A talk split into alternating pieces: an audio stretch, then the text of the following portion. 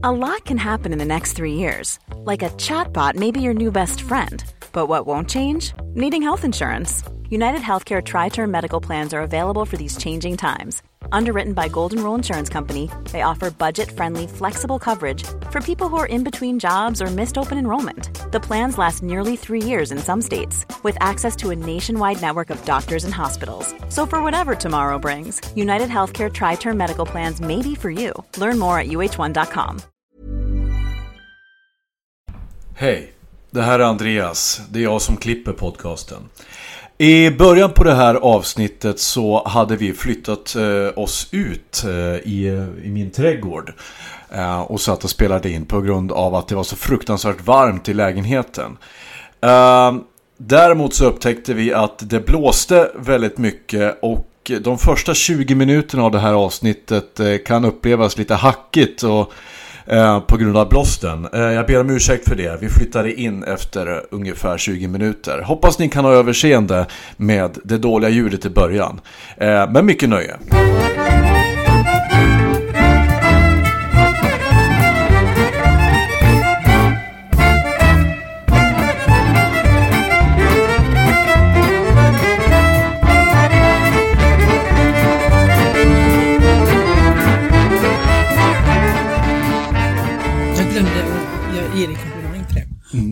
Men vänta, har du groggat med flädersaft nu eller bara, bara saft?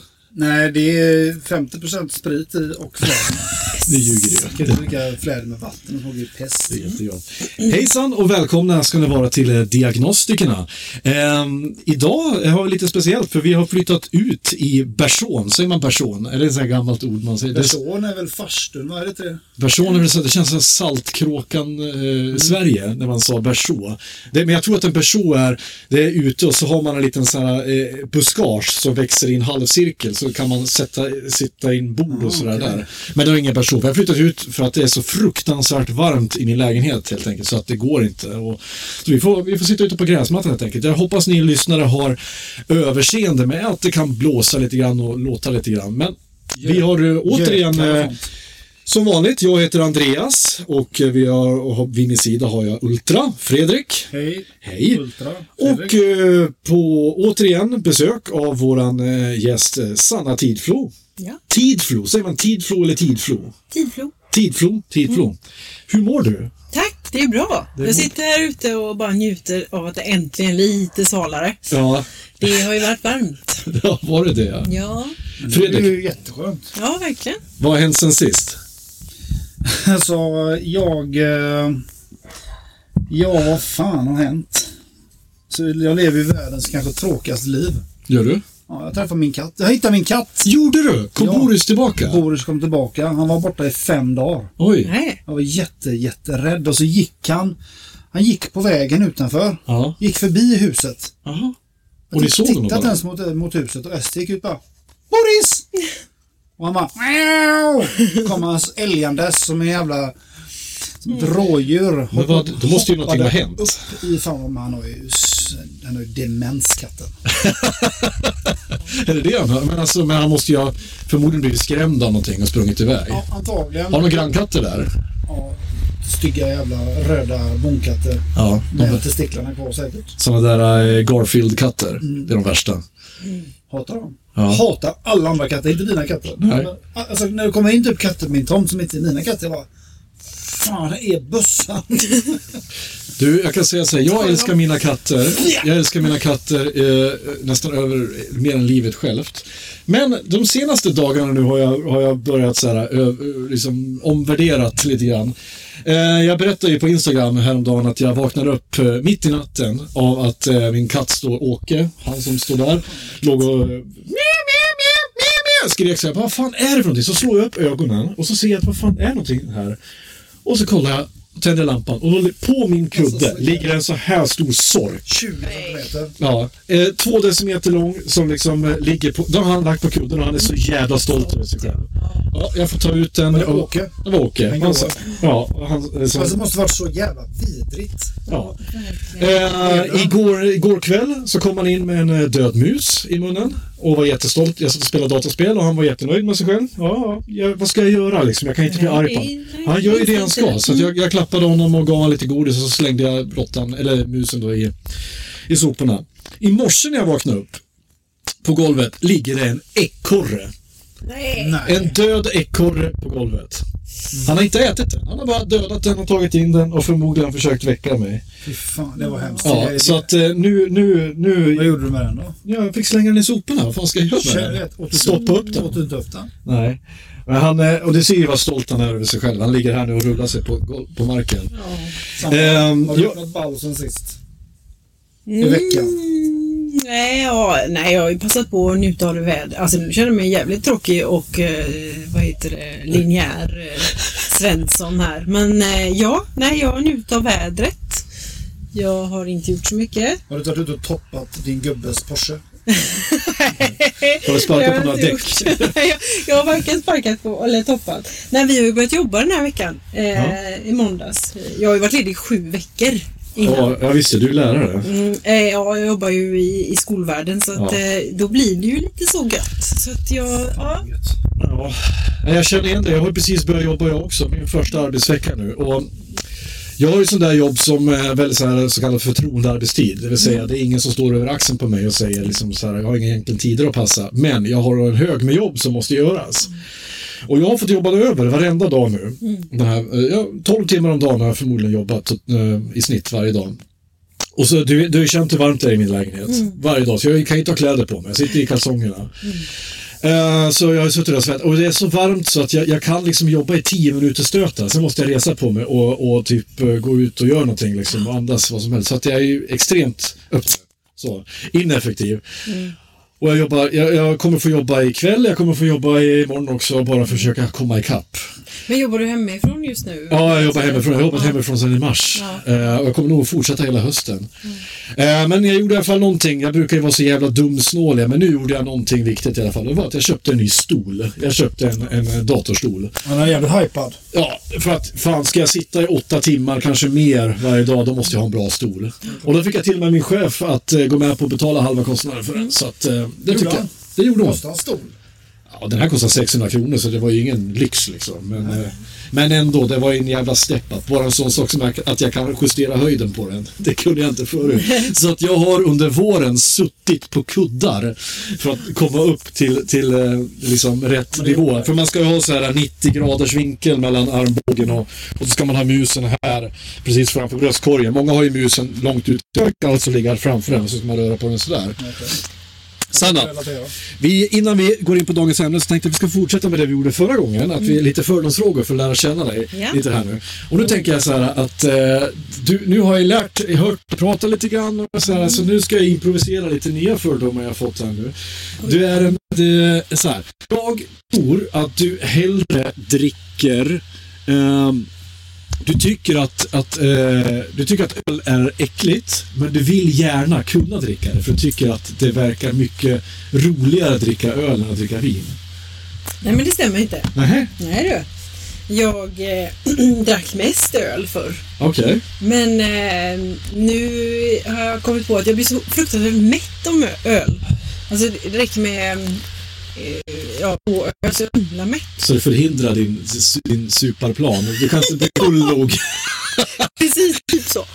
Nej, Men så om man eh, har en öl till maten eller liknande. Alltså jag är så mätt. Ja. Och det, det, nej, så jag, jag tycker om öl. Eh, det är inte det. Men jag föredrar vin just för att det inte blir den här jag är så mätt jag dör känslan. Okej. Alltså, Så är det för mig. jag kan lätt dra 20 bärs alltså. Ja. Lätt. Lätt. Lätt också. Öl är ju så lättdrucket. Det är väl det lite som är problemet också, tycker jag. Väl- 30 bärs ska jag dricka. Lätt! Nej, det vill jag vara med en gång och räkna. har jag hört dem. Ja. Jag ser att du har en del tatueringar. En del. Du ångrar vissa av dem, men skulle aldrig erkänna det för någon. Aldrig i livet. Jag har en stor och jag ångrar ingen. Okej? Inte Ja. den. För er som inte ser eh, det här nu, Assanna har en stor tatuering på högerarmen. En så kallad halvsliv. kallar Gilla Olika sorters. Coola. göra mm, helstrid. Men eh, någonstans eh, på vägen där, för när jag gick till tatueraren igen och såg vad hon hade målat så eh, tänkte jag "Ja, det får räcka nu för annars mina. Så att jag, jag stannade där på grund av min mor. För jag, tänk- ja, nu tänkte, för nu tänkte jag precis komma in på min nästa fördom här nu. Jag tänker mig att så här, du, eh, du gillar hårdrock. Ja, det gör jag. Du gillar hårdrock mycket mer än, än schlager. Ja, gud ja. Du hatar Melodifestivalen. Jag är måttligt glad i den, ja. Så kan man väl säga. Har du varit på Sweden Rock? Nej, Har du inte det? Jag har varit många gånger. Ja. nej jag, jag är ju ingen festivalperson. Jag tycker inte om när det är oordning så. Nej, Du menar att du gillar att tvätt, inte tvätta på fyra dagar? nej, det gör jag inte. Nej. Så många som gör det. Många som inte gillar att tvätta sig på Rock. Men jag, jag, jag skulle nog kanske gilla själva livet så. Alltså, säkert, men Livet som artist eller som groupie? Som som, eh, som eh, festivalare. Säkert att jag skulle tycka om det, men nej, det har inte blivit. Det har aldrig lockat mig. Okej. Det, ursäkta ljudet här nu, jag ställer ner den här på, på marken för det, som ni hör så, så, så låter plus min dator. Så förhoppningsvis blir det bättre ljud just nu. Eh, nej, men vet du vad? För att jag tänkte det, så bara, okej, vet du vad? Du påminner om en, om en, om en tjej som som jag har berättat om tidigare i den här podden. Eh, den här berömda historien när jag bodde i England och träffade en brasiliansk eh, svartrockare som jag försökte imponera på genom att eh, översätta det kristna utseendet slickar från Milano till, svenska, till engelska. och då tänkte jag så här att den här du gillar Sepultura. Det känns, du känns som en tjej. Gör du inte? Nej, men, nej, men, nej, alltså jag är ju inte någon jätteinbiten hårdrockare alltså. Nu, det är inte på den nivån. Nej. Nej, jag mm, gillar mycket nya band eh, i hårdrock. fy fan. Ja, Oj. Ja, men det... Nej, nu ska det alltså- Avenged Sevenfold och den... Nej, nej, nej. nej. Eh, Har ni okej. hört om Dance Gavin Dance? Nej. Se. Kolla. Vad heter de? Dance Gavin Dance. Hör, lyssna på dem. Är det, det, är det som typ så här Kim, eh, vad heter han, Eh, vad heter han, den där danska Thomas Ledin? Kim, Kim Larsen. Kim nej, Larsen. Nej, nej, nej. Nu får ni vara snälla. Nej, För vi är ju gubbrockare, jag och Fredrik. Ja, jag vet. Jag har ju en gubbrockare hemma också. Gillar han också jag- AC/DC? Mm, Ja. Jag gillar Metallica faktiskt. Ja, Jättelik Och han är sjukt bra på att introducera bra musik. kan tänka mig att din gubbe är snygg. Ja, ut. Otroligt snygg, tycker jag. att han är snygg. Ja. Han, han, han, men det här är bra eftersom ingen av oss har... Vänta. Vi låter det där ljudet försvinna. Eftersom ingen av oss har sett hennes eh, man så kan vi ha fördomar om honom. Ja. Jag tror att, jag tror att han har långt hår. Nej, Nej. Jag tror att han har många tatueringar. stämmer väl. Ja. Jag tror han är lätt lönnfet men vill gärna vara biff. Alltså, bra liksom men... Han måste ju Han är kompensera. inte lönnfet.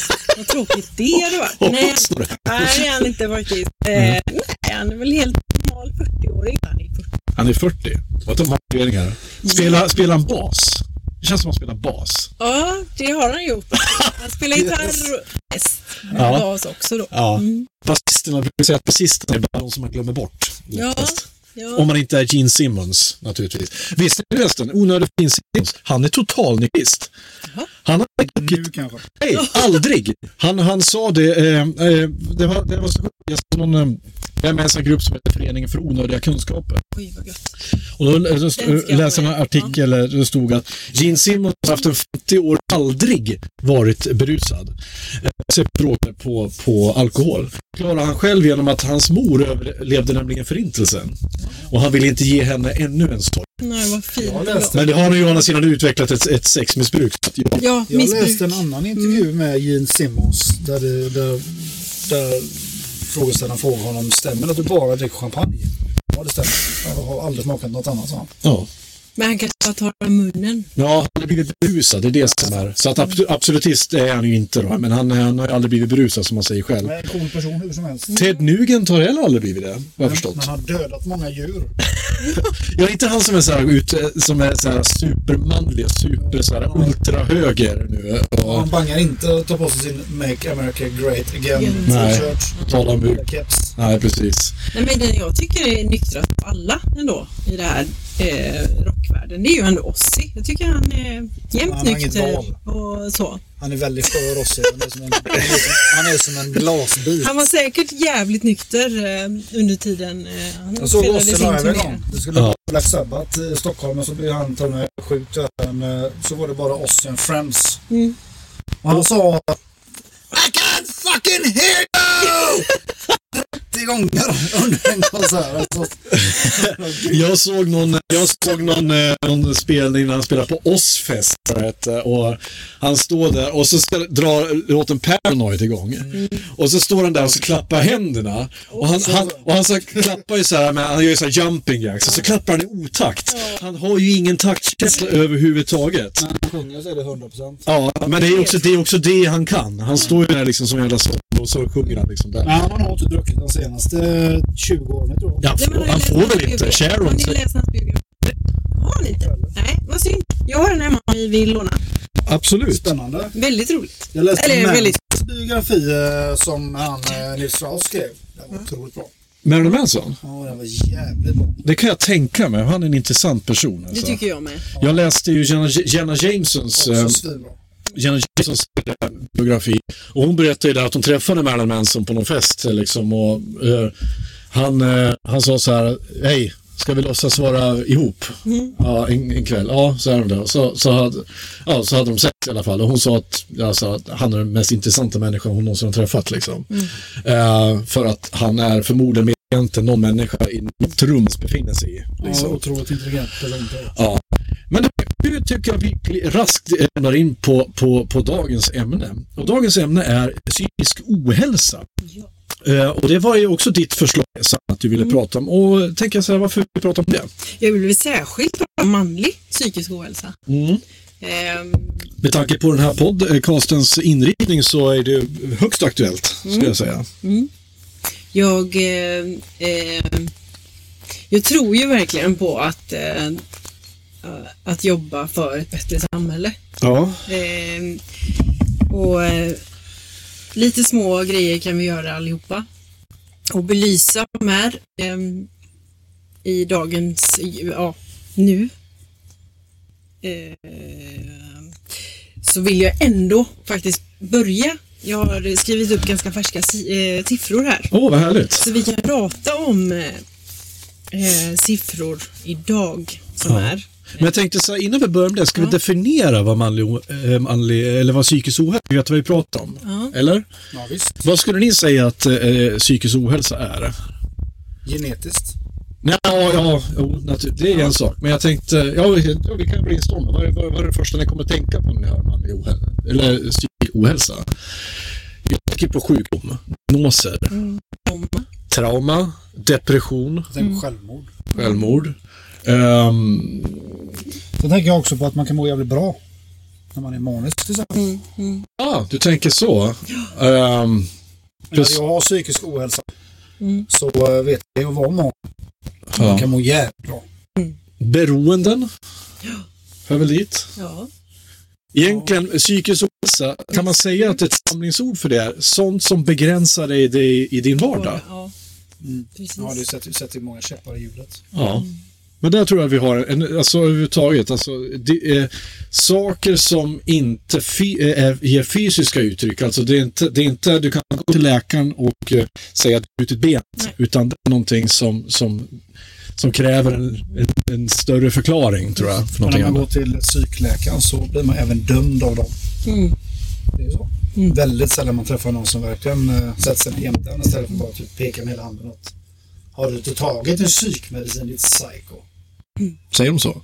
Ditt psycho. Men, äh, det är väldigt få läkare i den branschen som har psykisk ohälsa. Tror vi. Mm. Läs lite siffror då, så ser vi vad vi kan förhålla oss här. Ja, eh, någonting som jag tycker är ganska uppseendeväckande det är att eh, ungefär eh, 1500 personer tar livet av sig varje år Okej. i Sverige. Ja. Varav 1000 eller 1100 av dem är män och det är ju då 70 procent. Oj, ja. Och det är ju en enorm siffra. Eh, åtta av tio män drunknar. Oj. Så eh, det är också eh, problematiskt. 85 procent som misshandlas eller misstänkt våld. Ja. Det är 85 procent. Säg det igen. 85 procent av de som misshandlas eller misstänkt för att Okej. utföra eh, våld är män då. Okej.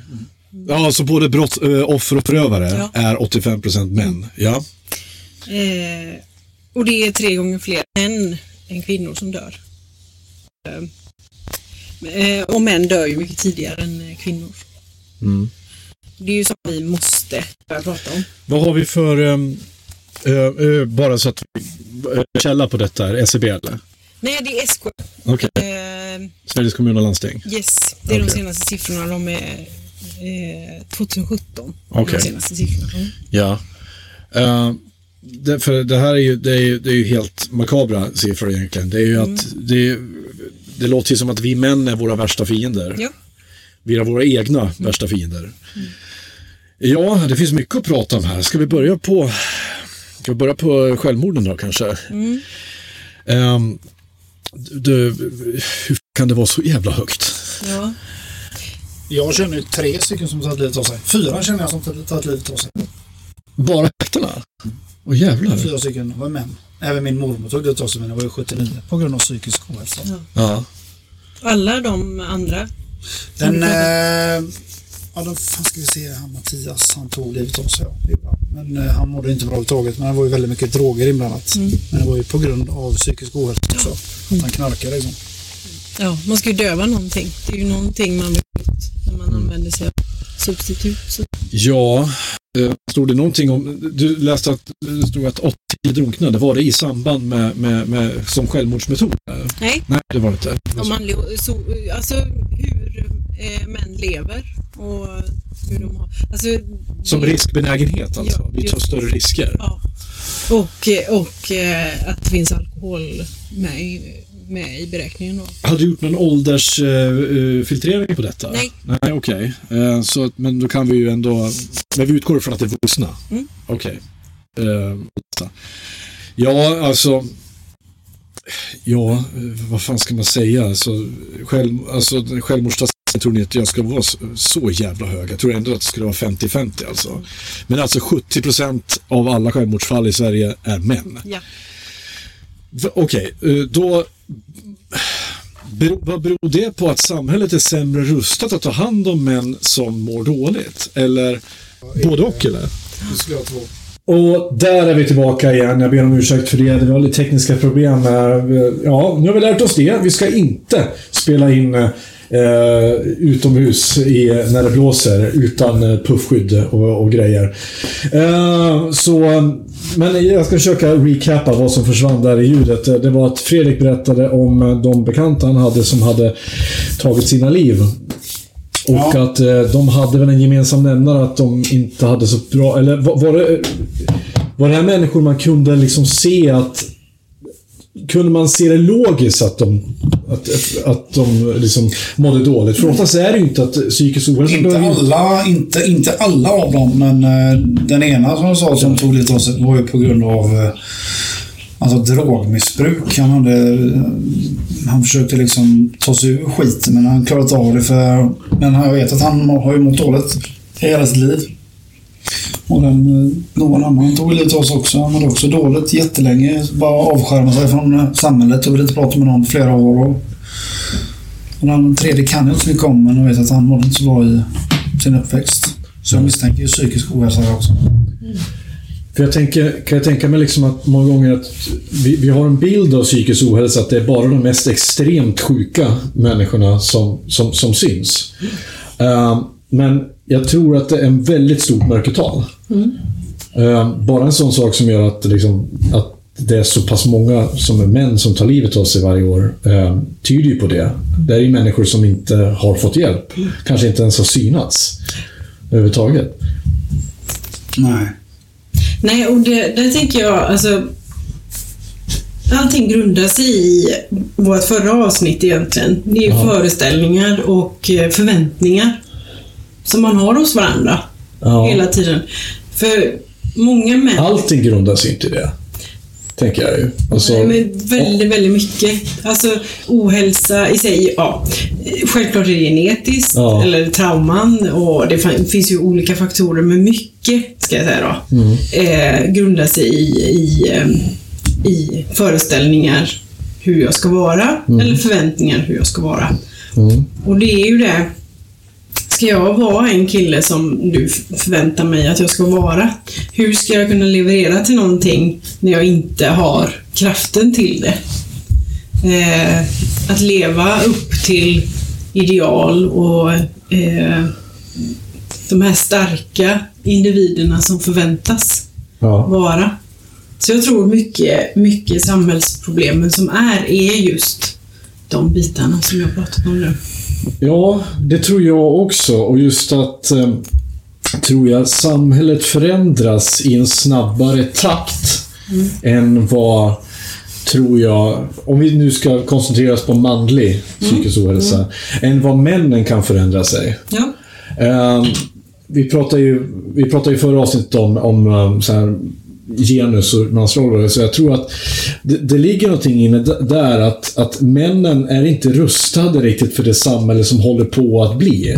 Det här att, eh, som jag sa, nu räcker det inte längre att bara ha en bil och, och, och lukta tvåtaktsolja. Utan nu krävs det faktiskt någonting av det också. Och då inser många kanske att oj, jag kanske inte har det som eh, behövs här nu. Jag tänker framförallt på den här incelkulturen som har växt fram. Ehm, Vad är det för någonting? incels, det är ju... Det står för involuntary celibate. Och det handlar väl egentligen om, om, om män som inte får, får ligga. Ehm, och um, Istället för att liksom ta tag i sig själva så, så har de samlats på, på här mörka forum på nätet där de spyr ut hur mycket de hatar kvinnor mer eller mindre. Och att alla kvinnor är horor som bara ligger med snygga och rika männen då som behandlar dem som skit. Men vi snälla killar, vi good guys.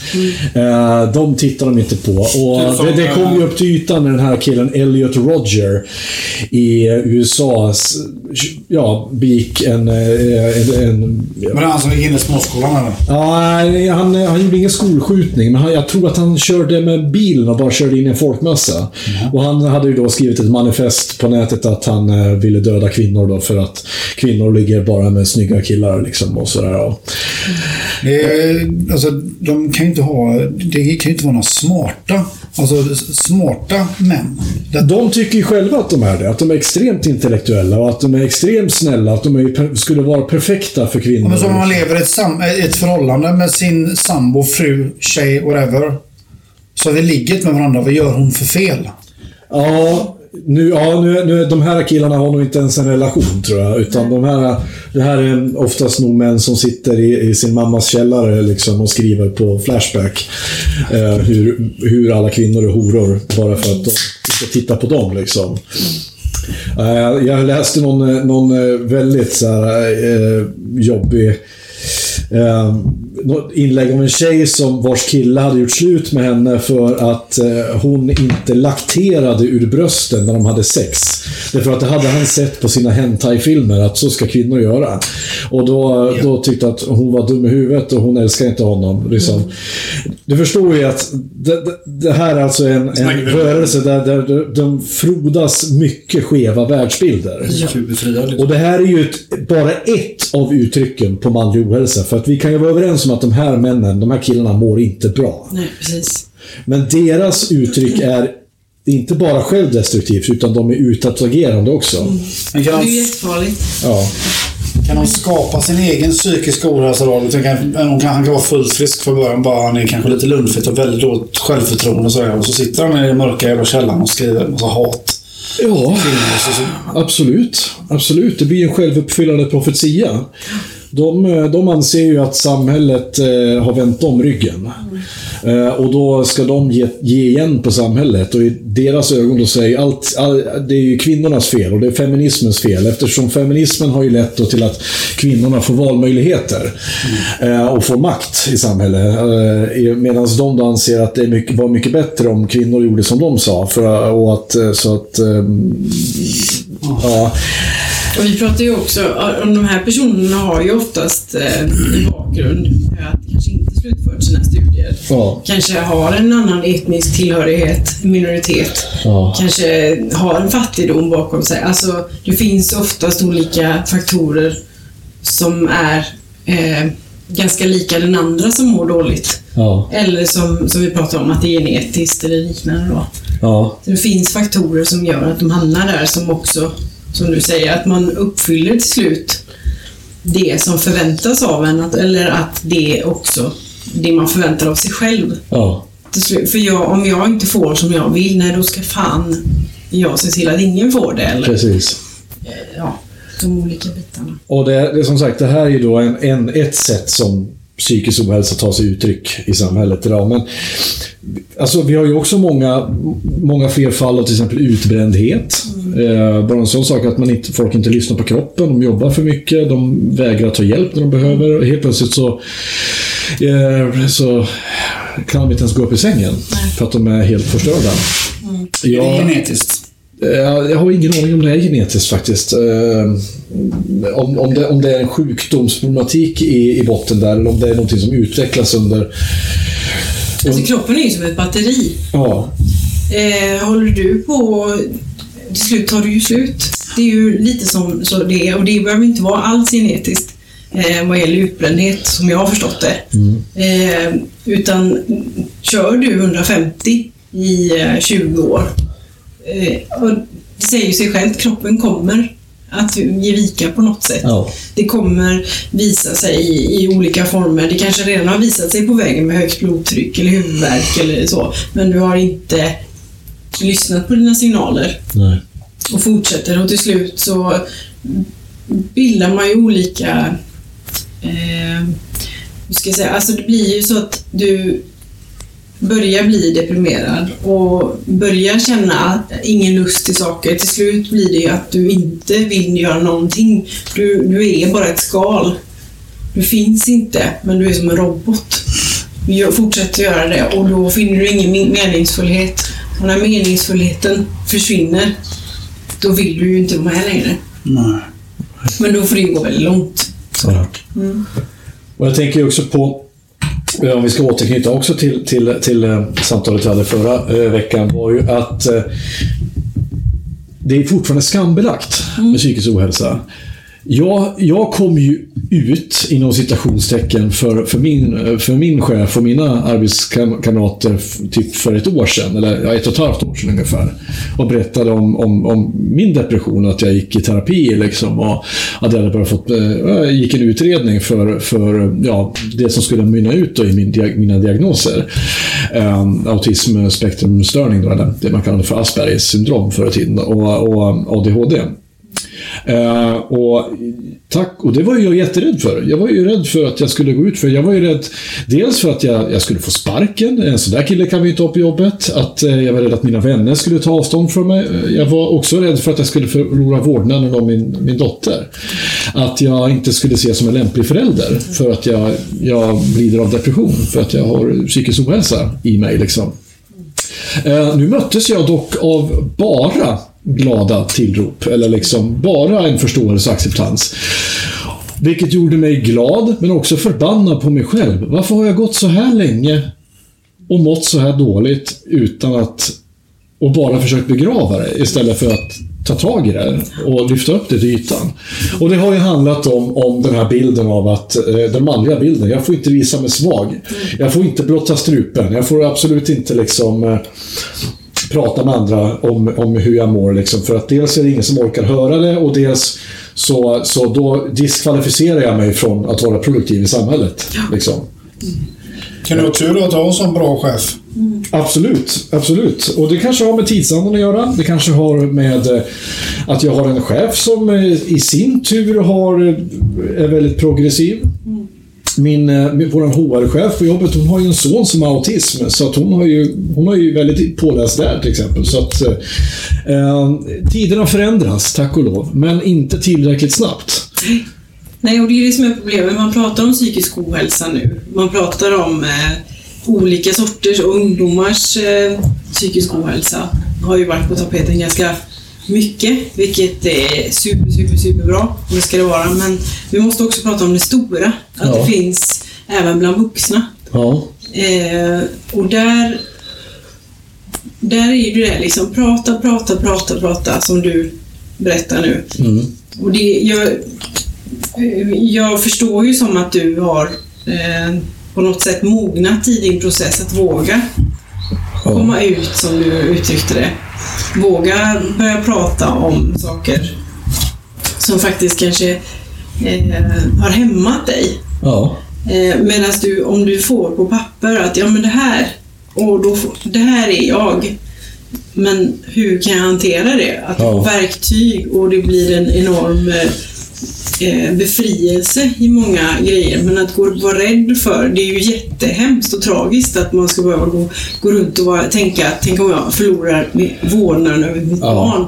Jag som mamma idag, det, alltså Det var ju, eh, du, du har helt rätt där i, i mognadsprocessen och just det där att jag har ju det där med verktygen är, väl, det är det viktigaste. För idag har jag verktygen att förstå att... eh, Alltså, man måste också komma ihåg att att, att få en diagnos eller liknande är ju inte en snuttefilt. Det är ingenting som jag, ja nu är jag så här, nu ska jag vara min diagnos. Nu ska jag vara, nu kan jag skylla det här, allting på det här. Utan det är snarare precis som du säger, det är att verktygen, jag kan förlåta mig själv. Som till exempel, mitt förra förhållande kanske inte hade kraschat om jag hade haft verktygen att kunna förklara varför, att ja just det, jag är introvert. Det var inte hon. Då kunde jag kanske förklara att nej men hörru du, det är inte personligt att jag vill sitta i min skrubb nu eh, för att jag umgåtts med dig hela dagen. Det har inte med dig att göra, det har med mig att göra. Eh, och, och sådana saker. Sånt som jag har undrat, varför, vad fan är det för fel på mig? Varför, varför är jag så här? Varför kan jag inte ha en normal relation med människor för? Det är hela tiden för att jag har försökt att anpassa mig att vara efter, som alla andra. När det egentligen handlar om att jag måste lära mig acceptera mig själv och förstå att det här är mina villkor som jag har att jobba med. Nu får jag liksom hantera det. Det mesta handlar om medvetenhet. Och, och liksom, som, som jag sa, liksom, att nu har jag egentligen vågat komma ut. Det var ju verkligen som att komma ut. Det var ju nästan, nästan som att erkänna att jag har en annan sexualitet. Det var som helst. Det var som att tala om att det här är jag. Och mm, nu försöker jag att vara, lägga alla korten på bordet så fort jag träffar en ny människa. Vilket kan låta som att jag koketterar med min diagnos. Men det är inte det jag gör. Utan jag säger bara, hej, det här, nu får du korten på bordet. Vilket så här, kan bära eller brista. Men snarare får jag åtminstone värde mot mig själv. Mm. Det har ju liksom, de här gångerna jag försökt dejta nu senast, har jag också sagt, ja, bara så du vet, jag har det här, jag har autism liksom. Vilket då har lett till att det har runnit ut i sanden. Ja, ja, men då slipper ju den informationen komma fram sen. Och jag kan åtminstone gå vidare i livet och tänka att ja, men jag har inte träffat rätt person helt enkelt. Och det är också när du säger att det är, för eh, måste jag ändå problematisera det lite. Eh, när du säger att du är så ärlig och Ja. ändå berättar och så. Det är också ett problem att en person kanske tar avstånd just för att man inte vet att det Ja. finns högfungerande personer med autism och att det finns att du är Ja. precis som vem som helst och så vidare. Och så vidare. Att det finns så mycket mer Men då kan jag tänka att jag, ger, jag gör min del där för att Ja. göra att de här människorna kanske går hem och googlar någonting. Inte vet jag. Ja, och det är ju jättefarligt istället för att eh, se att, alltså herregud, eh, diagnoser har vi nog alla. Eh, Ja. Släng av olika. Kanske, ja. Eh, nej men det, det är klart att det finns ju inget papper på allt, men, men att man har väl en släng av saker och ting. Och, det är ju en person som jag gillar och som tilltalar mig på något sätt. Ja. Det hur kan jag utforska den här personen istället för att se ett Ja. papper egentligen? För Ja. det pappret säger ju egentligen ingenting Nej. i sammanhanget. Nej, det var ju väldigt kliniskt bara. Ja, precis. Jag har ju fungerat som en typ av mentor bland många. Ja. Sen jag gick ut med vad jag har för diagnoser. Ja. Speciellt den här podden. Det är flera som har kommit fram till mig och faktiskt frågat om stöd till nära och kära. Och, Men fan vad glad jag blir att höra det. För jag kommer ihåg i början när vi pratade, då var ju du lite orolig. ja, Du var orolig för, för din egen trovärdighet och sådär, hörde jag dig nämna. Och, men det är ju jättebra om du har fått en positiv inverkan på det liksom. jo, men sen när folk kommer till mig och frågar om saker så tycker jag det är ganska svårt för att jag kan bara relatera till mig själv. Jag kan inte relatera till den personen liksom. Det Nej. är klart man kan ju ge lite tips på vägen. Så vet en, en, en kompis, kompis brorsa kom och frågade liksom, fan ska jag göra med honom liksom? Han är galen. Han är tossig. Ja. Ja. Han är grym, så. Ja. Lyssna på vad han säger. Det brukar funka.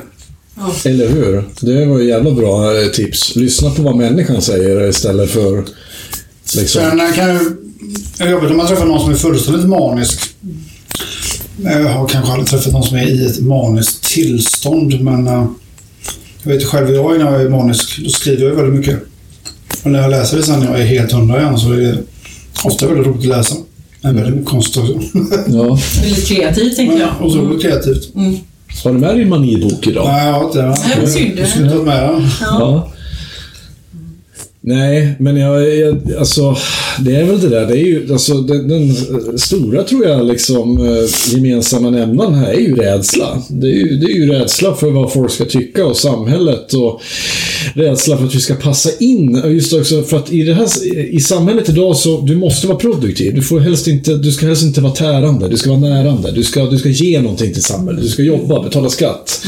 Du ska helst eh, producera något barn också för att ge den vidare. Liksom. Och, och gör du varken eller där liksom, så, så, och, och om, du, om du inte passar in i mallen som kan göra det så, så tror jag att då hamnar man väldigt mycket utanför. Och det är många som är väldigt rädda för det tror jag. Så de vill inte klippa de små livlinorna som de har. Nej, precis. Och eh, siffror visar ju också, på tal om det här utanförskapet som blir, att eh, en högre andel män Ja, är eh, eh, får försörjningsstöd ja. eh, mycket längre eh, tid än Ja. kvinnor. Eh, Så det säger ju också en del. eh, ja, precis. Att, eh, men, Utanförskapet blir ju ännu längre. mm, Eh, Säg att du får försörjningsstöd i tio år. Hur, ska, hur lätt är det att komma tillbaka? Ja, jag vet. Jag gick ju själv i tio års tid eh, som jag gick helt eller delvis arbet, arbetslös efter gymnasiet. Jag, ja, jag har ju varit på jag har varit eh, många långa perioder på försörjningsstöd. Jag har varit långa perioder på, på alla möjliga arbetsmarknadsåtgärder. Och så. Jag fick mitt första fasta jobb när jag var 27. Tror jag. Ja, just det. Du berättat. Eh, Så att eh, jag vet, jag vet, och det där just att vara lämnad åt dina egna tankar och ditt eget eh, utanförskap, det, det tär på en alltså. Jag, det var nog de första gångerna jag började fundera på att ta mitt liv. Det var, då var jag runt 21 liksom. Har du varit nära någon? Nej, aldrig, aldrig varit nära egentligen. Utan jag har bara haft de här extremt djupa dalarna där jag har liksom, där eh, jag har faktiskt eh, Självplågare. Nej, men jag, har- jag, inte självplåga. Jag har, aldrig, jag har aldrig gjort det, utan min grej var ju att jag drack. Okej. Jag, jag drack väldigt mycket alkohol bara och döva. Men i, ja, men då blir det ju destruktivt. Jo, jo, men jag, jag skadar mig inte själv med, med knivar eller... eller jag, så, så försöker, jag, jag gjorde inget fysiskt så liksom mot mig själv. Liksom, utan min grej Nej, jag, menar, mer- jag menar inte att du skär utan mer att tänka negativt. Oh ja, oh ja, oh ja, det var extrem spiral alltså. Fast jag måste bara bromsa här. Ja, Du säger att jag, jag gjorde ingenting mot mig själv, men jag drack extremt mycket. ja. Jag utanför då, eh, om Nej men alltså så här, jag tyckte ju, alltså... Inte för att jag ska göra någon analys nu, men, Nej, ja, men det- men det- det är ganska destruktivt att döva saker. Jo, men jag, när jag gjorde det så såg jag inte som ett sätt att skada mig själv. Nej. Utan det var det jag menade. Utan om jag, många som skär i sig själva säger ju att de gör det för att ta bort smärta från någonting annat och för att de känner att, att skada sig själva är någonting de innerst inne förtjänar. Jag förtjänar att bli skadad. Jag kände ju aldrig det, utan jag tyckte ju bara synd om mig själv. Jag, är liksom, så att jag, jag drack ju för att... Patetisk eller? Ja, jag tyckte att jag var jättepatetisk. Jag tycker inte att jag hade att jag hade någon plats i världen. Jag tycker inte att jag, hade, att jag var där jag borde vara. Jag tyckte inte att eh, världen eh, skulle klara sig väldigt bra utan mig. Jag hade inte behövts eh, överhuvudtaget i världen. Meningsfullheten då. Ja, jag hade, ju, jag hade inget sammanhang. Jag, kände, ing- jag såg inget ljus i tunneln. Jag hade, liksom, jag hade inget stöd heller egentligen från min familj. Eller sådär, för att de flesta är missbrukare där också. Så. Jag var ganska utlämnad till mig, till mig själv. Liksom. Och så kände liksom inget hopp. Det fanns liksom ingen, ing- ingenting. Utan det var ju först när jag flyttade till, eh, till och fick min, mina första liksom, jobb och började få in Imagine the the softest sheets you've ever felt. Now imagine them getting even softer over time. That's what you'll feel with Bowl and Branch's organic cotton sheets. In a recent customer survey, 96% replied that Bowl and Branch sheets get softer with every wash. Start getting your best night's sleep in these sheets that get softer and softer for years to come. Try their sheets with a 30-night guarantee. Plus, get 15% off your first order at bowlandbranch.com. Code BUTTERY. Exclusions apply. See site for details. Ever catch yourself eating the same flavorless dinner three days in a row? Dreaming of something better? Well, HelloFresh is your guilt-free dream come true, baby. It's me, Kiki Palmer. Let's wake up those taste buds with hot, juicy pecan-crusted chicken or garlic butter shrimp scampi. Mm. Hello Fresh. Stop dreaming of all the delicious possibilities and dig in at HelloFresh.com. Let's get this dinner party started.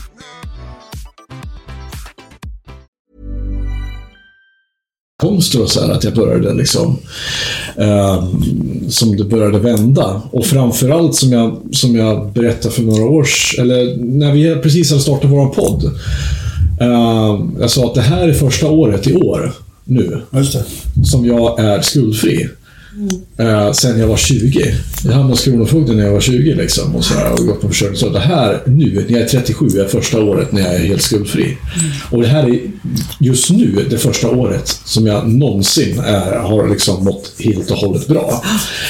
Eh, och det har varit en jätte, jättelång resa för det. Alltså, det. Och det har ju varit terapi, det har varit att ordna upp allting ekonomiskt, det har varit disciplin, det har varit medicin framförallt. Inte framförallt, men det har Du varit... fick du någon ny medicin som var någon riktig? Jag fick en jättebra medicin som heter Sertralin. Eh, och det, den gör inte jättemycket mer än att den balanserar kroppen. Den balanserar kemikalierna i kroppen. Som gör att jag inte når de här långa, djupa dalarna. Vilket gör att jag kan, jag kan sitta ensam. Jag kan vara väldigt disciplinerad utan att känna det här att jag är ensam. Vart, jag måste träffa någon människa. Liksom. Utan jag, jag, liksom, jag är fine. Eh, och, men det är också som har hållit mig uppe väldigt mycket i min dotter. Att jag har ju haft någonting att leva för. På riktigt liksom. Det är ju det. Hade jag inte haft det, då vet jag fan hur jag hade slutat. Alltså, för då hade jag kanske inte suttit där. Nej, Nej. Fy fan. en helt annan vändning kan det ju ha blivit ja. Ja, Men eh, eh, jag tänker på när du eh, började medicinera och så, vad hände? I, Ja, det första som hände i kroppen var ju att det första som händer när man gör en insättning, det är ju, då blir ju koko, kokopahia i hela kroppen. Liksom. Du vet, eh, det kändes som i den här filmen Limitless. Jag tog den här, eh, har ni sett den? Ja. Det handlar om en kille som, eh, ja, för er som inte har sett den, det handlar om en kille som tar ett piller, helt plötsligt börjar hela hans hjärna fungera. Och han kan lära sig portugisiska på en timme liksom, och sådana saker. Inte riktigt så var det, men helt plötsligt så blir det tyst i huvudet. Från att, ha, att jag har tagit in alla ljud som fanns runt omkring och inte kunnat suttit i, i matsalen liksom, utan att hålla en konversation med fem personer samtidigt. Liksom, och så kunde jag bara gå in i min egen bubbla för första gången. Liksom, bara stänga ut allting. Var det bara en tablett? Det var efter typ två dagar in, in eh, i medicineringen. Men det var också så här, det, det, det, jag, så här, det pirrade i kroppen och det blev, jag var lite yr ibland och hade svårt att sova. Hormon, ja, men det, det kändes som att jag fick en så här jättehormonskjuts. Men det var ju att kroppen ska, jäm, ska vänja sig vid de här nya kemikalierna liksom, och, och nivåerna. Men efter en vecka ungefär, då var det, pff, då var det som vanligt igen. Liksom, och, och, men med den, med den eh, skillnaden då att jag är mycket mer stabil idag, mycket lugnare. Har inte det här eh, det här behovet av, av bekräftelse hela tiden och, och, och jag, jag får de här dalarna hela tiden som gjorde att jag... Förr i tiden så kunde jag ju utan förvarning bara ramla upp och börja gråta. Liksom. Bara- Det kunde bara komma som en smäll. Eh, I princip varje julafton så söp jag mig till otjänlighet liksom, och låg och grät på toalettgolvet för att uh, och var bara olycklig. Idag så känner jag inte de här sakerna. Liksom. Och det, är- det är helt okej. Mm. Så medicinen har gjort väldigt mycket. Men sen har det gjort väldigt mycket också. Att dels att jag accepterar vem jag är. Jag accepterar att jag har de här diagnoserna, jag har det, de här jag fungerar på. Och framförallt att jag kan förlåta mig själv. Jag, jag behöver inte känna, nej, men det, är okej att inte tycka om det här. För, bara för att det är så här, det förväntas ju så att man ska tycka om och, och sitta och ta hashtag, eh, hashtag tacksam Ja. selfies på stranden. Det förväntas att man ska tycka om och sitta och ha grillmiddag med, med grannarna och det förväntas att man ska vilja åka till Grekland varje år. Så jag är inte intresserad av det där. Och det är helt okej. För att jag har accepterat att men fan, jag är inte en sån person. Jag är ingen extrovert person, jag är en introvert person. Jag tycker om att sitta hemma och läsa böcker och skriva och måla tavlor. Det, Och vi älskar det förenas. Ja, och jag, så här, det betyder inte att jag är osocial. Det betyder att jag inte har samma sociala behov. Det, jag tycker skitkul att ni är här nu, men när ni har gått så kommer jag förmodligen att... att- Sopa ner det och lägga Nej, nej, jag kommer förmodligen att krascha. Eh, För att då har jag gjort av med den här sociala energin. Då kommer jag behöva sova i, i några timmar och sen så... I 148 timmar. Ja, ja minst.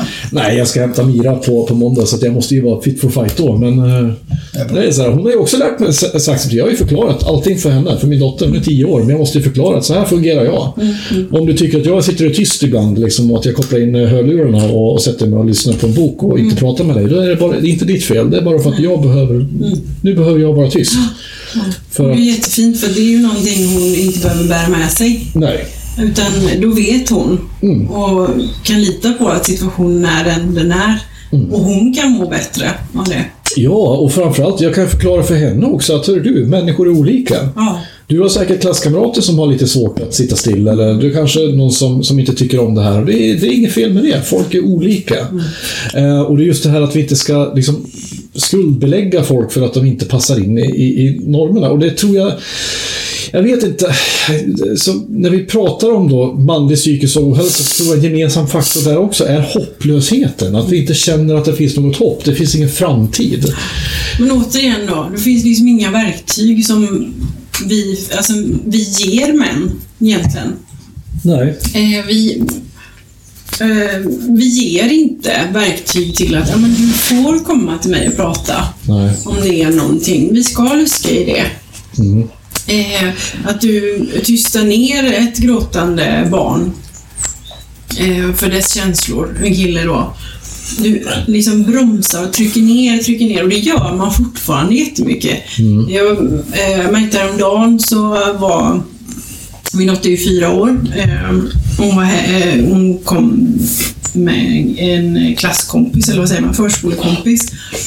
Och den killen mamma var med eh, och Vera skulle visa sina dockor och sina leksaker och hon är väldigt, väldigt förtjust i sin docka Märta.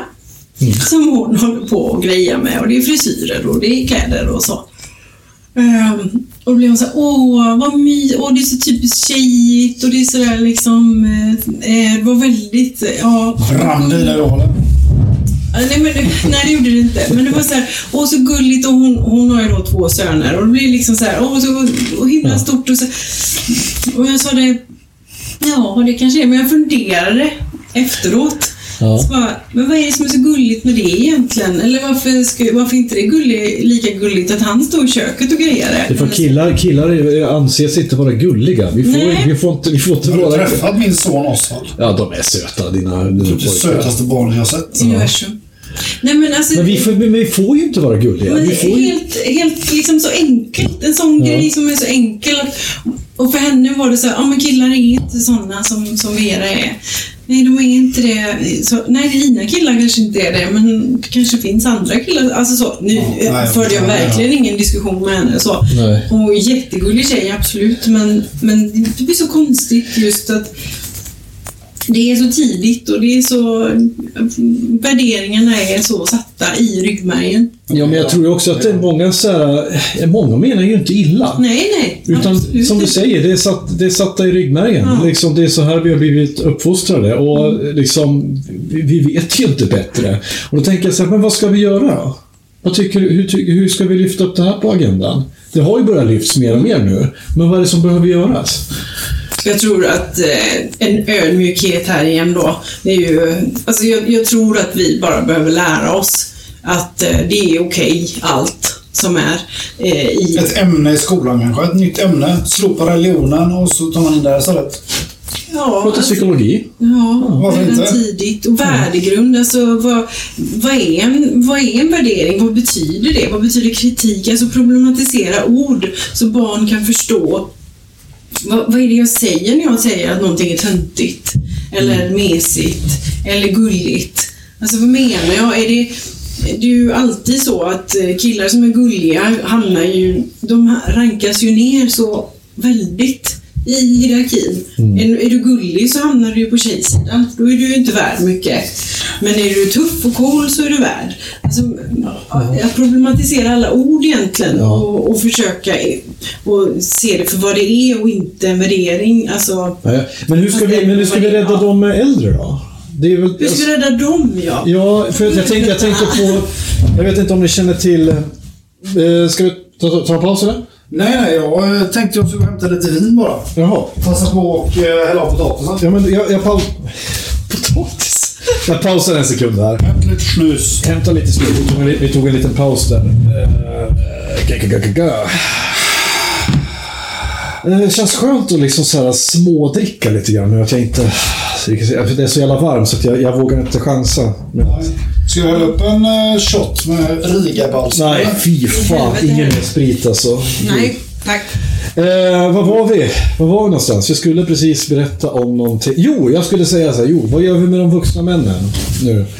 Kommer ni ihåg för några år sedan när den här... Eh, det, kommer, det finns ett jättebra YouTube-klipp som heter Den vilda mannen. Ja. Det handlar om en gubbe från Mölndal som drog ihop ett mansläger någonstans i början på 90-talet. Där män då skulle gå ut i skogen och så skulle vi hitta våran inre urman. Men, Jag tror att de knullar med så stenar och sånt. Nej, de skulle, nej, de skulle, men de skulle, en övning var att de skulle gå ut och så skulle de hitta ett varsitt träd, hugga ner ett träd och så skulle de gå ut och bara wow, vråla och så skulle de sitta runt en ring och, så, och prata om sina känslor. och Så här. Vi kan titta på det klippet sen, det här är helt fantastiskt. Svinbra. Problemet är, tror jag, att vuxna män har svårare att ta till sig eh, liksom, att tala ut därför att det hela tiden associeras med sådana där flummiga saker. Jag håller inte med An- Alexander Bard om mycket, men en bra sak sa han, är att du kan inte få män att sitta i, sitta i skräddarställning runt på golvet i plysch-overall och, och prata känslor bara sådär liksom, utan du måste ge dem ett sammanhang. Sätt så här, det låter så här. Det låter som ett nödvändigt ont, men vad fan, sätt ut en grill på en gräsmatta och ställ dem där. Och så, ger du, så har du någon moderator som ger dem ett... Så får de grilla varsin köttbit så att de får åtminstone känna sig lite säker. Och så ger de då ett... Eh, och så en moderator som håller ett samtal om manlig ohälsa och, och, eller psykisk ohälsa och känslor och sådana saker. Så att de inte känner sig helt jävla borta liksom. Utan för att alla kommer ju stå med händerna i fickorna och bara Vad är det här för skit? Gör något viktigt. Vi har ju försökt sådana här saker på jobbet till exempel. Att vi skulle ha haft sådana här workshops när vi skulle Flygspektor och... Nej, men, vi- nej, inte sådana men vi skulle prata vi hade en sån här grej, vi skulle prata om hur vi ska bemöta våra kunder, och hur vi ska samarbeta med varandra och hur... När du säger så här så känner jag så här och såna här kritikgrejer. Giraffspråket. Ja, så här, sk- sk- grejer.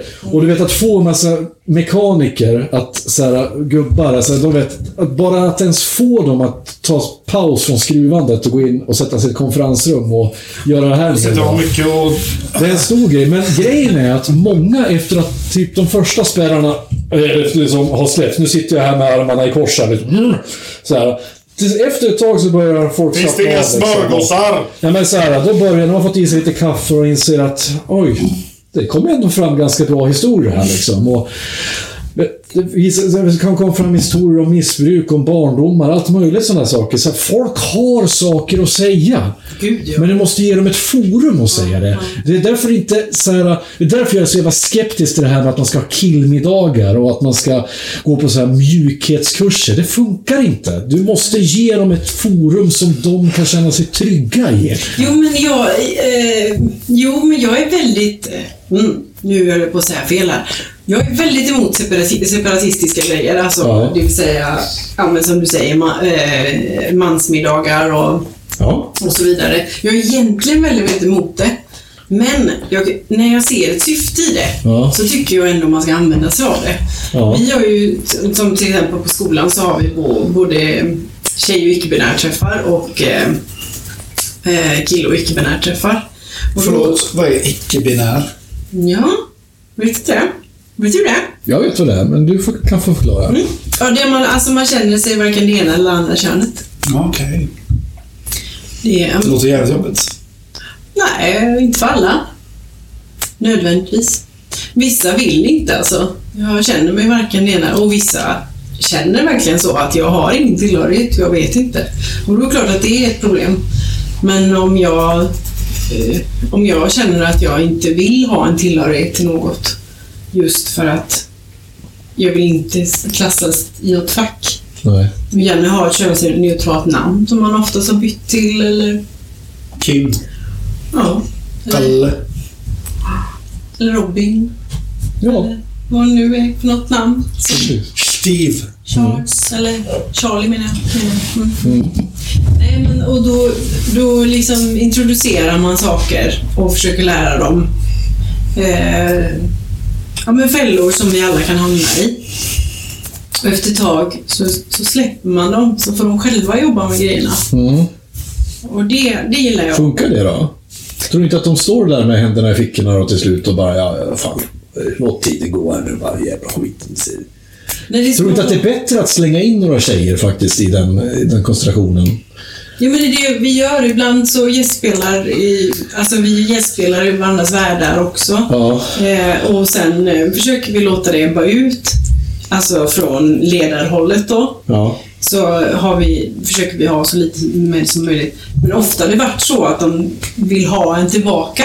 Mm. Just för att de behöver någon som drar i frågor och hjälper Ja. dem framåt.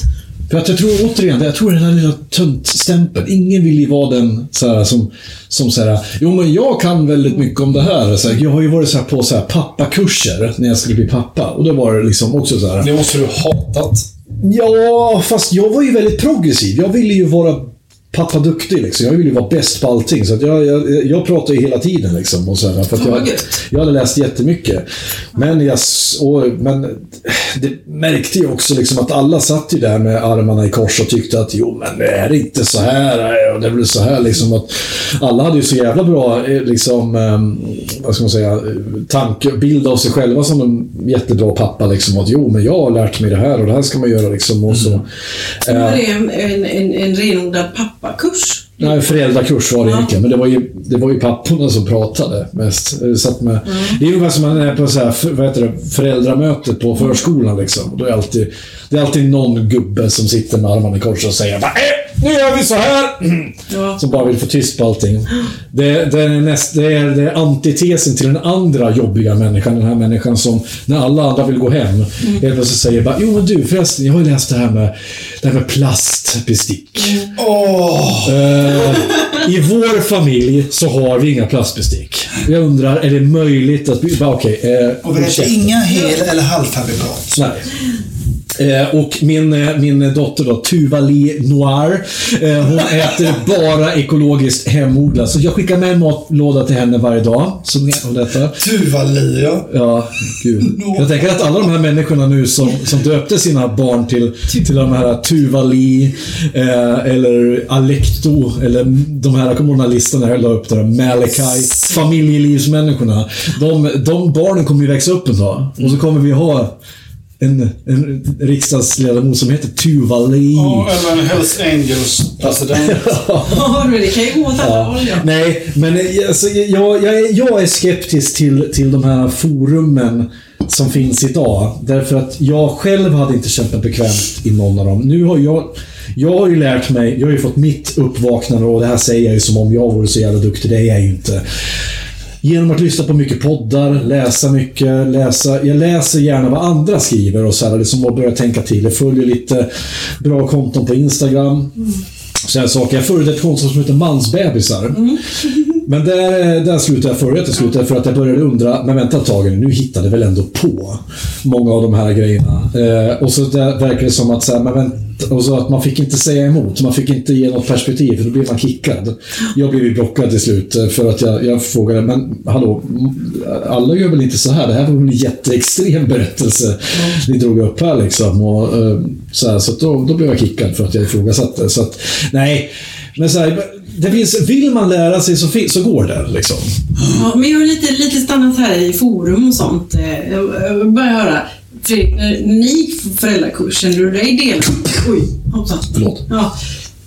Känner du att det var mest eh, prat om mamman eller eh, och, eh, kroppen kring eh, graviditet och så, eller var det eh, var det gemensamt liksom? Att du kände att du kände dig inkluderad i den här kursen? Ehm, Eller kan du minnas det? Vet inte jag. vi var på föräldrakurs två gånger tror jag. Mm. På BVC. Inte BVC, det var på det var fast. Mödravården tror jag de minns jättemycket av den tiden innan barnen kom. Nej, men det var mycket det här med armarna i kors och uh, ingen sa riktigt någonting. Så var det en barnmorska som pratade och... Jag, kan, jag, jag minns fan inte alltså.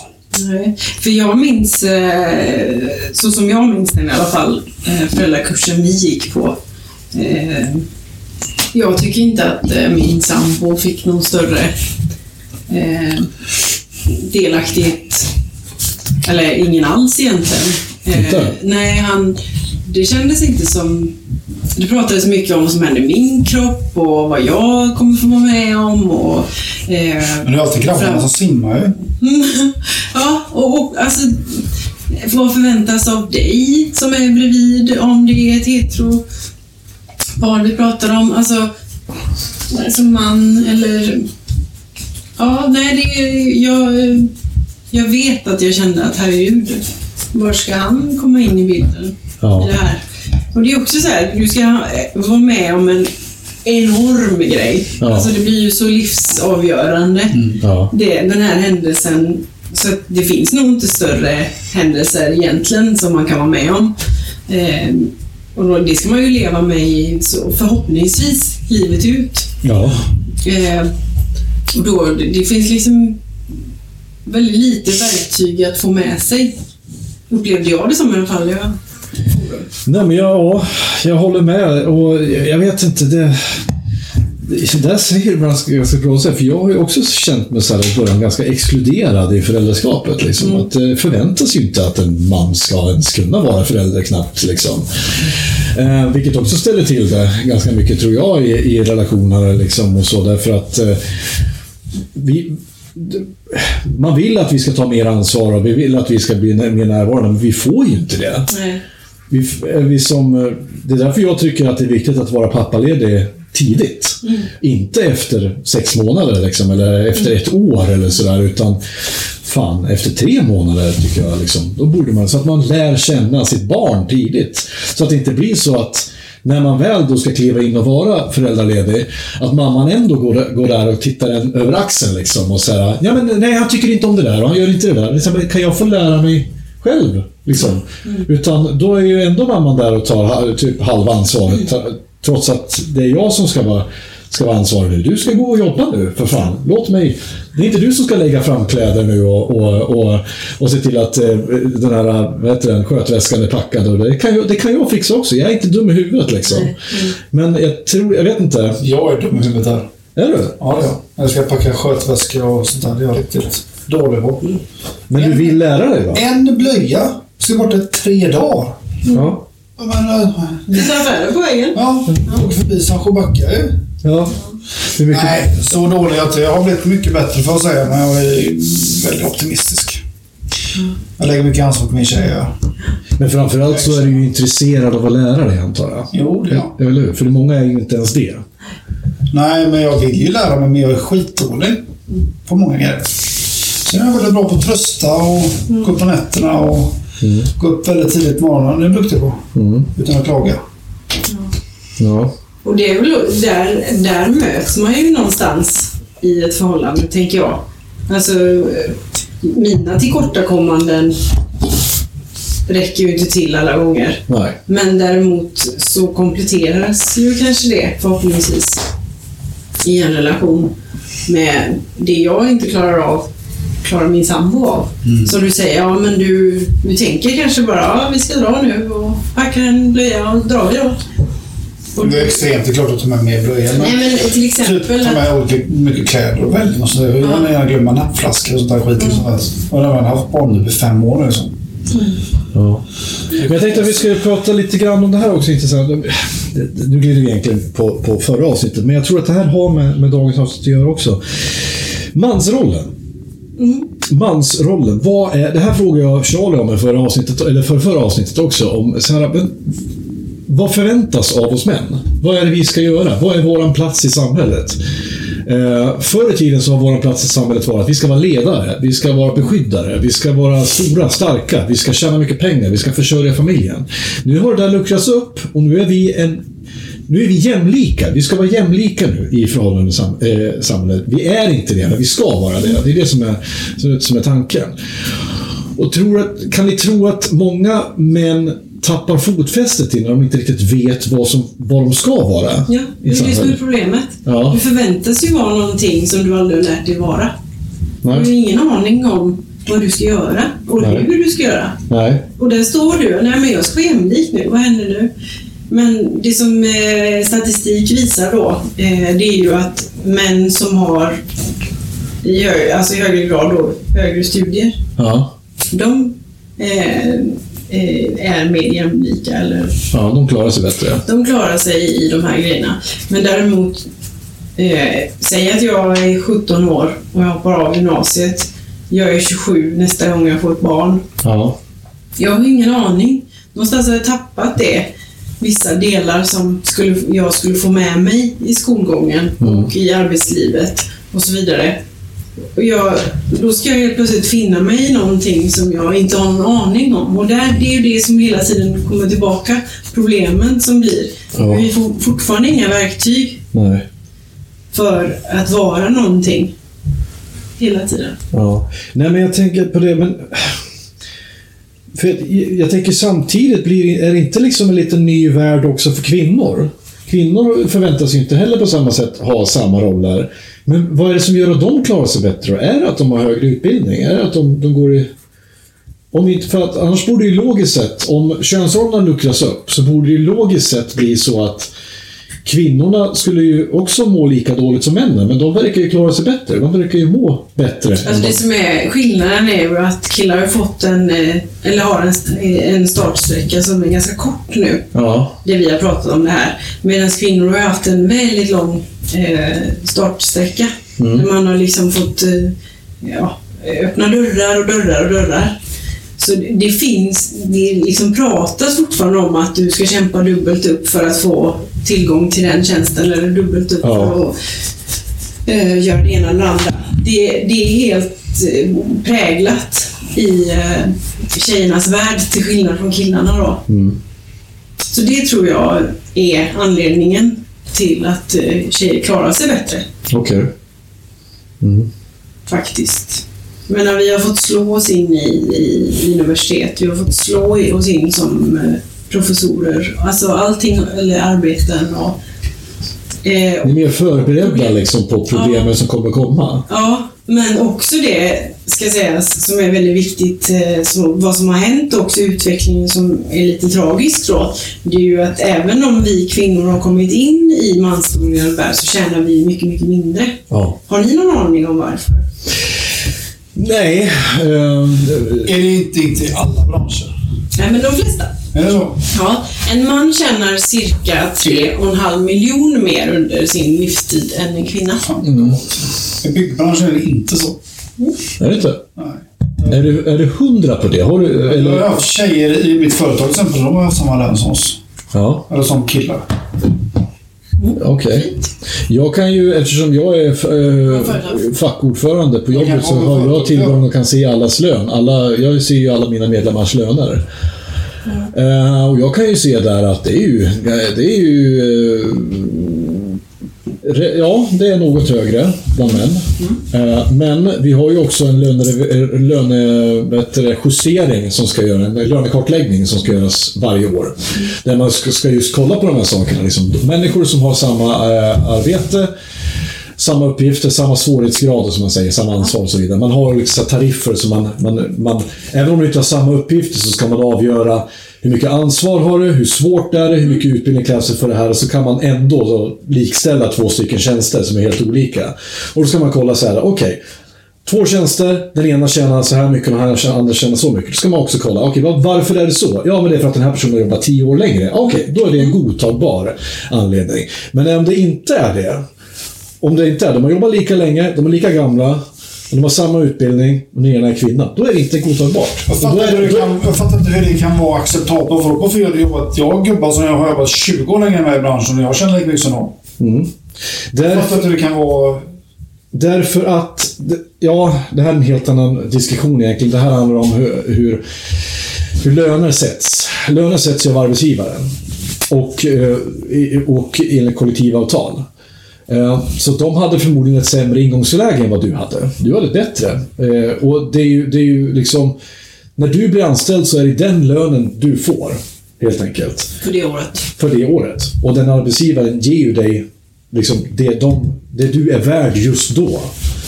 Eh, att du har jobbat längre och inte kommit upp i samma lön, det beror helt enkelt på att du har jobbat på samma företag och så har du haft en löneökning som har varit långsam.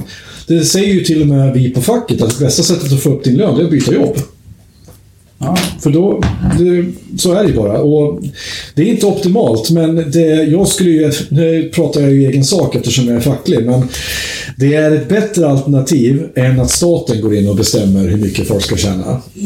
Eh, idag så har ju staten får inte ha någonting att göra med hur mycket folk ska tjäna, utan det är ju bara Men när vi snackar om att tjejer tjänar mindre. Hur fan, ärligt talat, hur kan det vara accept... Hur kan, hur, hur kan det accepteras? Det är inte accepterat, det är det som är grejen. Men det eh, som sagt, seriösa företag, vi har, man ska ha en lönekartläggning och göra det här. Men problemet är att när du säger löneskillnad, pratar vi om samma tjänster då, eller? Vi gör det? Ja. Eller pratar vi inte om... Det finns ju en populär nu, eh, anti alltså en, bland i andra läger som heter Jordan B. Peterson som pratar ju om, eh, om att eh, en psykolog som blev väldigt stor, var väldigt stor förra året. Som han, han, Han kanadensaren eller? Ja, han snackar väldigt mycket, han, han, han snackar mycket om humrar. Nej, men han, han sa så här att man måste skilja på equality of... Eh, nej, eh, nu ska jag se. Of equality of opportunity och equality of outcome. Det är två olika saker. Eh, och att man, vi- man ska inte gå in och skruva på, på utgångsläget, utan man ska gå eller utgångspunkten. Man ska, man ska gå in och skruva på så att alla har samma utgångsläge. Inte gå in och se, sen 30 år senare säga okej, ni tjänar bättre än dem. Utan för att folk gör, han menar då att folk gör olika livsval i livet. Folk eh, väljer olika karriärer och utbildar sig till olika branscher och vissa branscher är mer lukrativa och så vidare. Men då faller ju det när du säger att löneskillnaderna är det sp- eh, spelar ingen roll alltså, eftersom de är, sam, de är samma fast du har samma tjänst och samma utbildning. Men här kommer svaret, Ja, faktiskt. Det finns ett svar på det här. okej, kör. Det är ju faktiskt så att kvinnan begär mindre lön. Är det så? Ja. Allt som oftast. Eh, alltså alla jobb eh, som har, varit, som har haft jättehög status förut eh, sänks ju i statusgrad när kvinnan kommer in. Jaha. Just för att eh, vi lär oss inte att vara tuffa och gå framåt. Nej, men jag ska ha 47, punkt slut. Okej. Ehm, som en kille får med sig det här tuffa och vågar ta för sig och redan har bestämt att det här ska jag ha. Mm. Medan så är det så, "Åh, jag hade väl tänkt eh, kanske, eller får jag jobbet? Att det blir mer det eh, en kvinna gör Ja. i en intervju. Bland annat. Och ändå, trots allt detta, trots de fördelar som vi män då har, så mår vi så jävla dåligt. Varför? Varför? Va, va, va, fatt, jag fattar inte. Eller är det för att vi är rädda att förlora det vi har? Alltså, man befinner ju sig i alltså utanförskap. Eh, om man då har en diagnos så är man ju per automatik utanför. Det kan vara fattigdom, eh, det kan vara ja, annan etnisk tillhörighet. Det, kan ju vara, det är så många faktorer som gör att eh, män såklart mår dåligt. Uta, alltså, att droger, man alltså, vad heter det, utarbetad. Eh, det finns så mycket. Du förväntas ju liksom manliga försörjaren hemma. Ja. Eh, kvinnan vabbar, man, nu blir det väldigt eh, heteronormativt eh, samtal här, men det får, det, det får bli så idag. Ja, ja, med tanke på att eh, om vi nu har kommit fram till att en stor, stor anledning till, till hög psykisk ohälsa bland män är just eh, snäva könsroller. Ja. Så eh, då, då är det helt okej att prata ur ett heteronormativt eh, perspektiv, tycker jag. Eh, men hörni, vi har, vi har pratat i en timme och 20 minuter. Just det. Eh, vi måste nog avrunda det här på något sätt. Har vi några slutord kring... Alltså, det finns ju ingen rätt...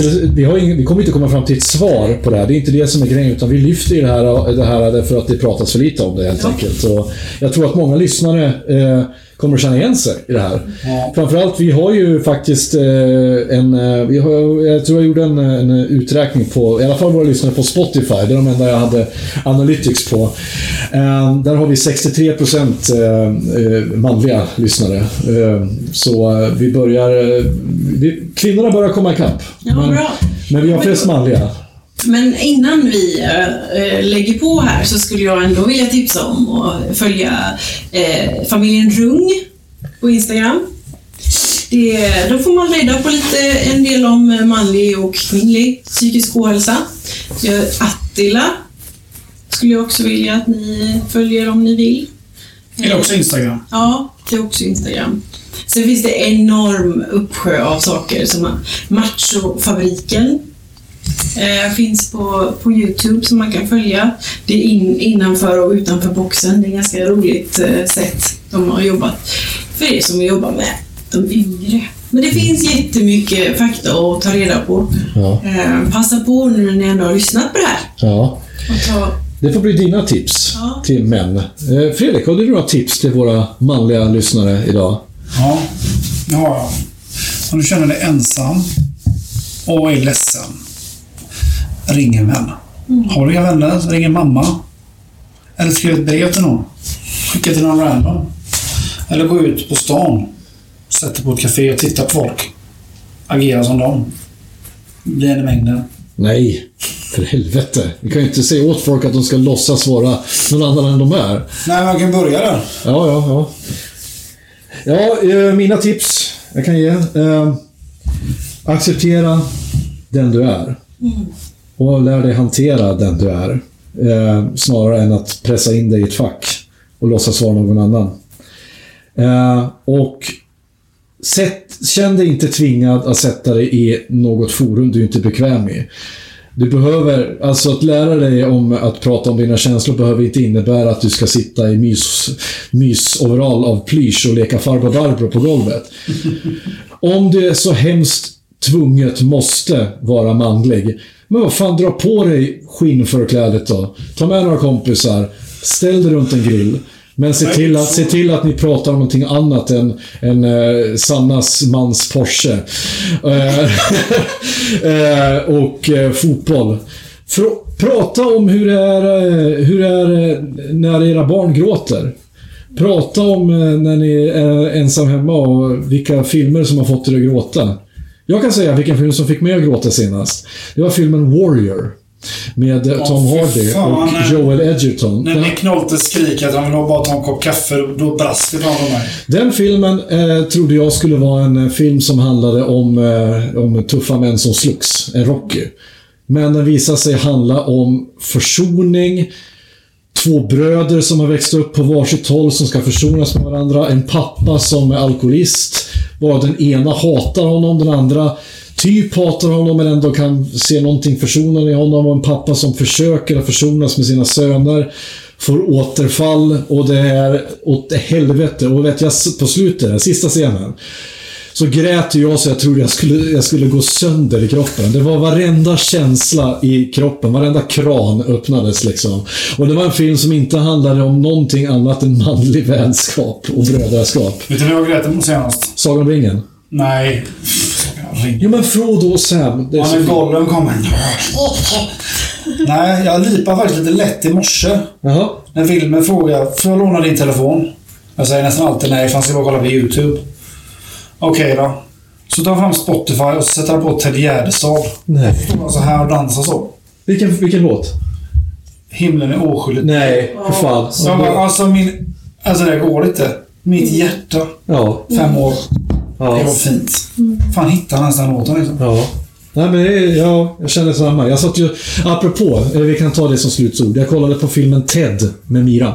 Då grät du inte. Då grät jag. Jättemycket. Därför att jag hade ju, jag hade ju Ted är ju kanske min absoluta favoritartist. Eh, genom liksom alla tider. Förlåt, jag trodde du menade Ted med Seth MacFarlane. Jag tänkte, Gud! den heter ju Ted. Ja, jag vet, men jag menade Ted. Ted-filmen. Ted. Gärdestad. Kolla på den med Mira. Och det var så här, Mira älskar ju också och hon älskar ju också Himlen oskyldigt bra. Hon älskar, vi, vi har suttit och sjungit tillsammans och vi den här... Vad heter den? ehm, För kärlekens skull. Jättefin låt också. Vi kollar på den här filmen och den filmen handlar ju om psykisk ohälsa och det är så jäkla... Den är Jag ju... Ja, den är otroligt bra. Eh, väldigt bra, väldigt bra. Och där fick jag en väldigt bra connection med min, med min dotter. Jag fick förklara för henne och berätta hur dåligt eh, Ted mådde. Och eh, vi kollade på intervjuer med honom och med Kenneth Gärdestad. Vi pratade han berättade om Ted Gärdestad och när Jag Kenneth... gillade inte den filmen. Va? Jo, Kenneth älskade den. Han var ju med i produktionen av den till och med. Så att han, men han dog ju kort efter att den hade haft premiär, Kenneth, i cancer. Så. Men, ehm, ja, och där tycker jag det var väldigt viktigt att få den samtalet med Mira. Så det, det, liksom, det väcktes saker i henne. Jag såg den liksom att, oj. Du kan vara duktig med någonting, men du kan också du kan vara superkänd, fast du kan också må jättedåligt. Mm. Det var ju som, hon följer ju en YouTuber som heter Therese, Therese Lindgren. Som hon är helt besatt av. Uh, Och det är hennes favorit-YouTuber. Och Therese Lindgren kom ju ut, eh, med inte för så länge sedan, om att hon lider av panikångest. Och det var också så här viktigt så här ögonöppnare för henne att de förstår att kändisar är också människor. Som kan må jättedåligt. Och att... eh, Liksom, du kan se en människa, men det finns någonting under där. Det finns en historia. Det finns en historia. Jag kollar på den här filmen, eh, En man som heter Ove, Mira också. Jag älskar den. Samma sak där. Förklara. Titta nu Mira. Du kommer, hon, ty, hon tyckte också precis som jag, vilken jävla surgubbe. Liksom. Men Det är en av de bästa svenska filmer jag sett. ja, det är en av de bästa svenska böckerna som någonsin har skrivits. Jag läste ju den också. Så Jag tänkte ju samma sak. Jag läste den. Vilken jävla surgubbe det här är. Men sen så växte det ju fram. och Jag förstod varför han är som han är och jag förstod liksom, oj, människor har en historia. Och det är så jäkla viktigt. Så slutord idag. Andas en gång till innan du roundkickar din eh, eh, spydiga granne i huvudet. Du vet inte vad som döljer sig där. Han kan ha en yxa bakom ryggen. Ja. Eller så kan han ha en jättetragisk historia som du inte vet om. Prata med varandra. Det här har varit Diagnostikerna. Tack så hemskt mycket för att ni lyssnar. Bli patrons nu! Nu! Bli patrons! Jag stänger inte av förrän ni blir patrons. Gilla oss på Facebook, gilla oss på eh, Instagram. Och eh, tack så hemskt mycket till dig, Sanna, för att du kom. Och tack till dig, Fredrik. Tack så du ha. Gött. Ja. Vi hörs nästa vecka. Hej! Hej då.